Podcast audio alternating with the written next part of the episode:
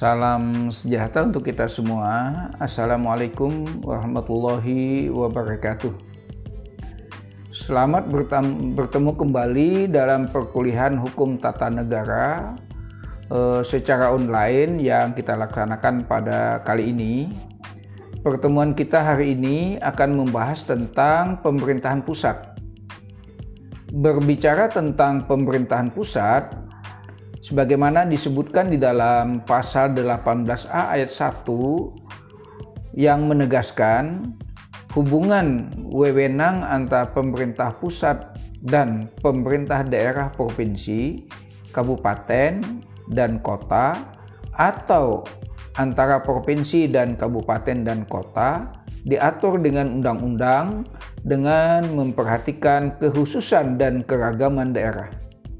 Nah, para mahasiswa sekalian, selanjutnya berbicara tentang pemerintahan pusat, dapat pula kita bedakan antara pemerintahan yang diatur dalam Undang-Undang Dasar 1945 dan yang diatur berdasarkan undang-undang atau lembaga-lembaga negara yang bersifat independen. Oleh karena itu, pokok bahasan kita pada kali ini adalah mengkaji yang terkait dengan pemerintahan dari yang diatur berdasarkan Undang-Undang Dasar 1945. Nah, yaitu yang pertama adalah tentang presiden dan wakil presiden yang ditambah dengan eh, Kementerian Negara atau yang kita kenal dengan istilah lembaga eksekutif. Nah, kemudian yang kedua adalah MPR dan DPR atau yang disebut dengan lembaga legislatif. Kemudian kita tambah dengan Badan Pemeriksa Keuangan. Kenapa Badan Pemeriksa Keuangan ini saya masukkan ke dalam kelompok MPR dan DPR? Sebagaimana ditegaskan di dalam Undang-Undang Dasar 1945 adalah BPK dalam melaksanakan tugasnya menyampaikan laporannya kepada DPR sebagai fungsi pengawasan.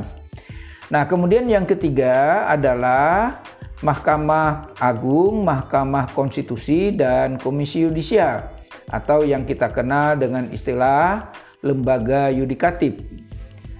Nah, para mahasiswa sekalian yang saya cintai, mengingat ruang lingkup tentang pemerintahan pusat ini yang sangat banyak sekali.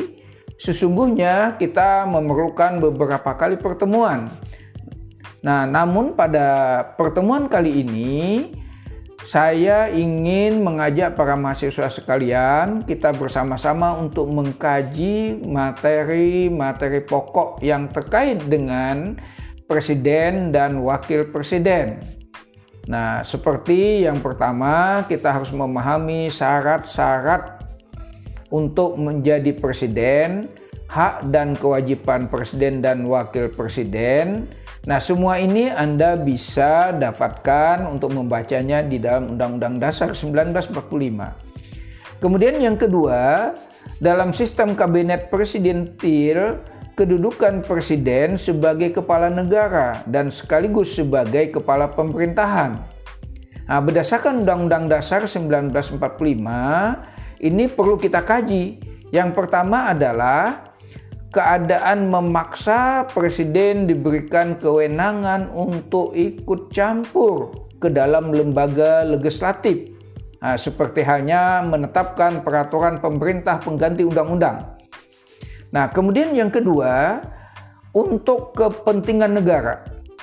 Jadi kalau yang pertama tadi dalam keadaan memak memaksa, ya, presiden diberikan kewenangan ikut campur kepada kewenangan lembaga legislatif dalam membuat undang-undang.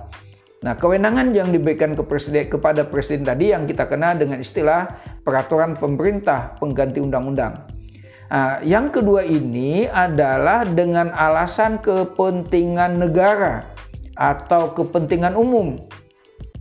Presiden diberikan kewenangan untuk ikut campur ke dalam kewenangan lembaga yudikatif, nah, seperti memberikan gerasi, memberikan amnesti, memberikan abolisi, dan memberikan rehabilitasi kepada seseorang atau sekelompok orang dengan alasan pertimbangan tadi adalah untuk kepentingan negara atau kepentingan umum.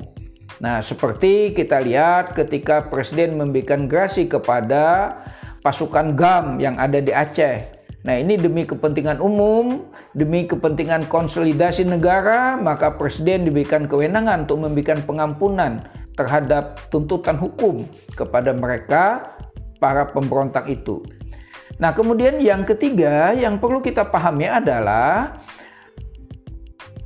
eh, ketika presiden dan wakil presiden berhalangan tetap atau berhalangan sementara. Nah, jika presiden dan wakil presiden berhalangan sementara bersama-sama atau berhalangan tetap, seterusnya siapa yang menjalankan tugas-tugas kenegaraan? Nah, ini juga penting untuk dikaji oleh para mahasiswa sekalian. Nah, kemudian yang selanjutnya adalah bagaimana proses pengangkatan dan pemberhentian presiden dan atau wakil presiden berdasarkan Undang-Undang Dasar 1945.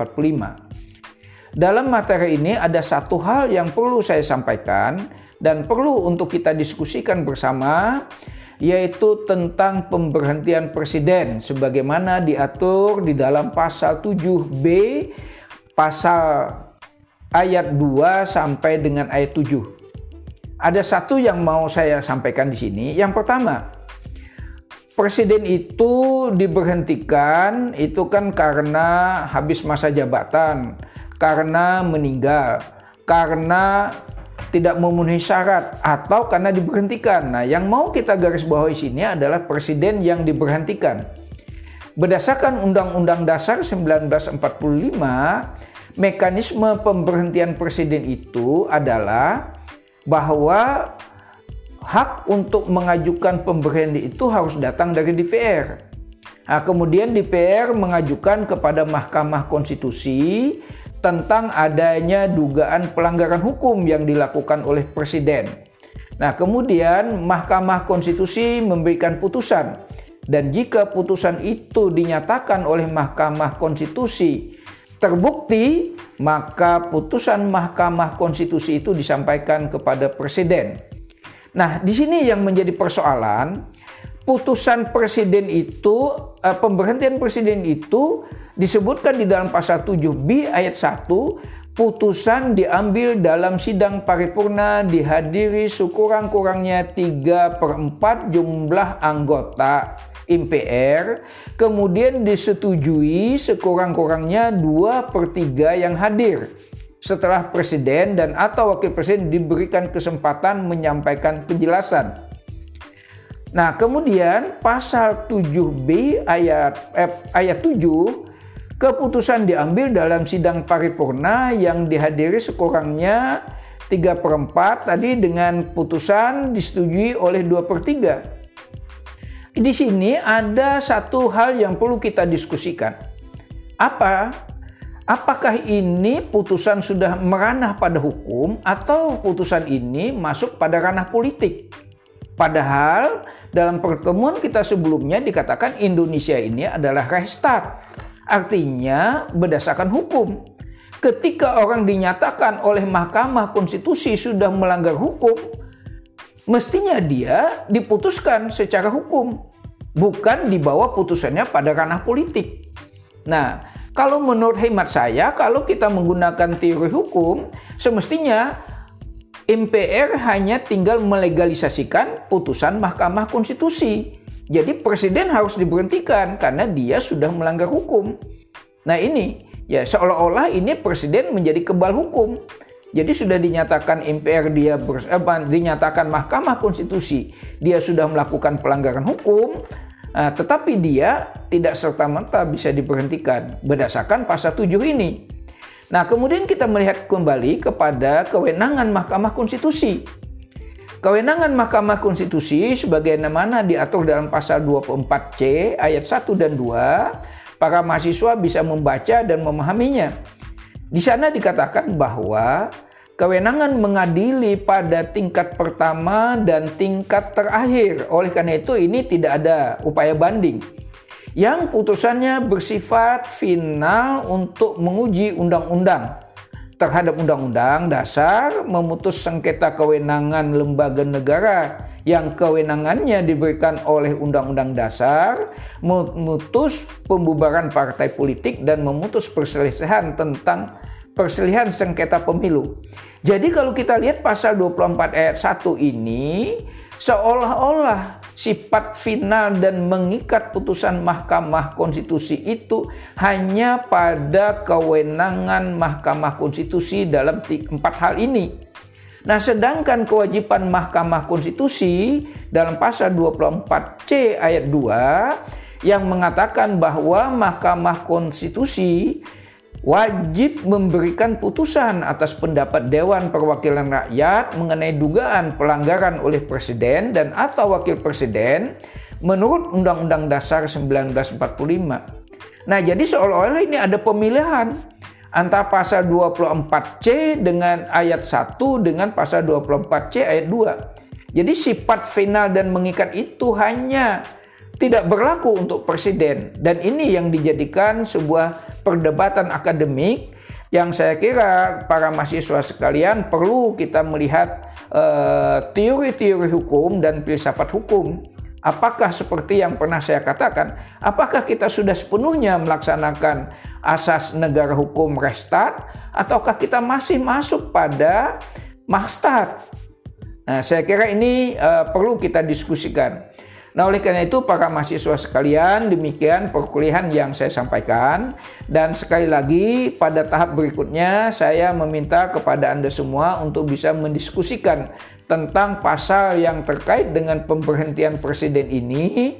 Apakah dia sudah melaksanakan teori negara hukum yang disebut dengan restart terkait dengan putusan presiden itu sebagai eh, masuk ke dalam ranah politik Nah, jadi ini juga perlu dipahami. Jadi sekalipun kita melakukan demonstrasi dan sebagainya, presiden tidak bisa dijatuhkan kecuali hanya dengan keputusan MK terbukti telah melakukan pelanggaran hukum. Nah, demikian para mahasiswa sekalian yang saya hormati. Terima kasih atas perhatiannya. Salam sejahtera untuk kita semua. Assalamualaikum warahmatullahi wabarakatuh.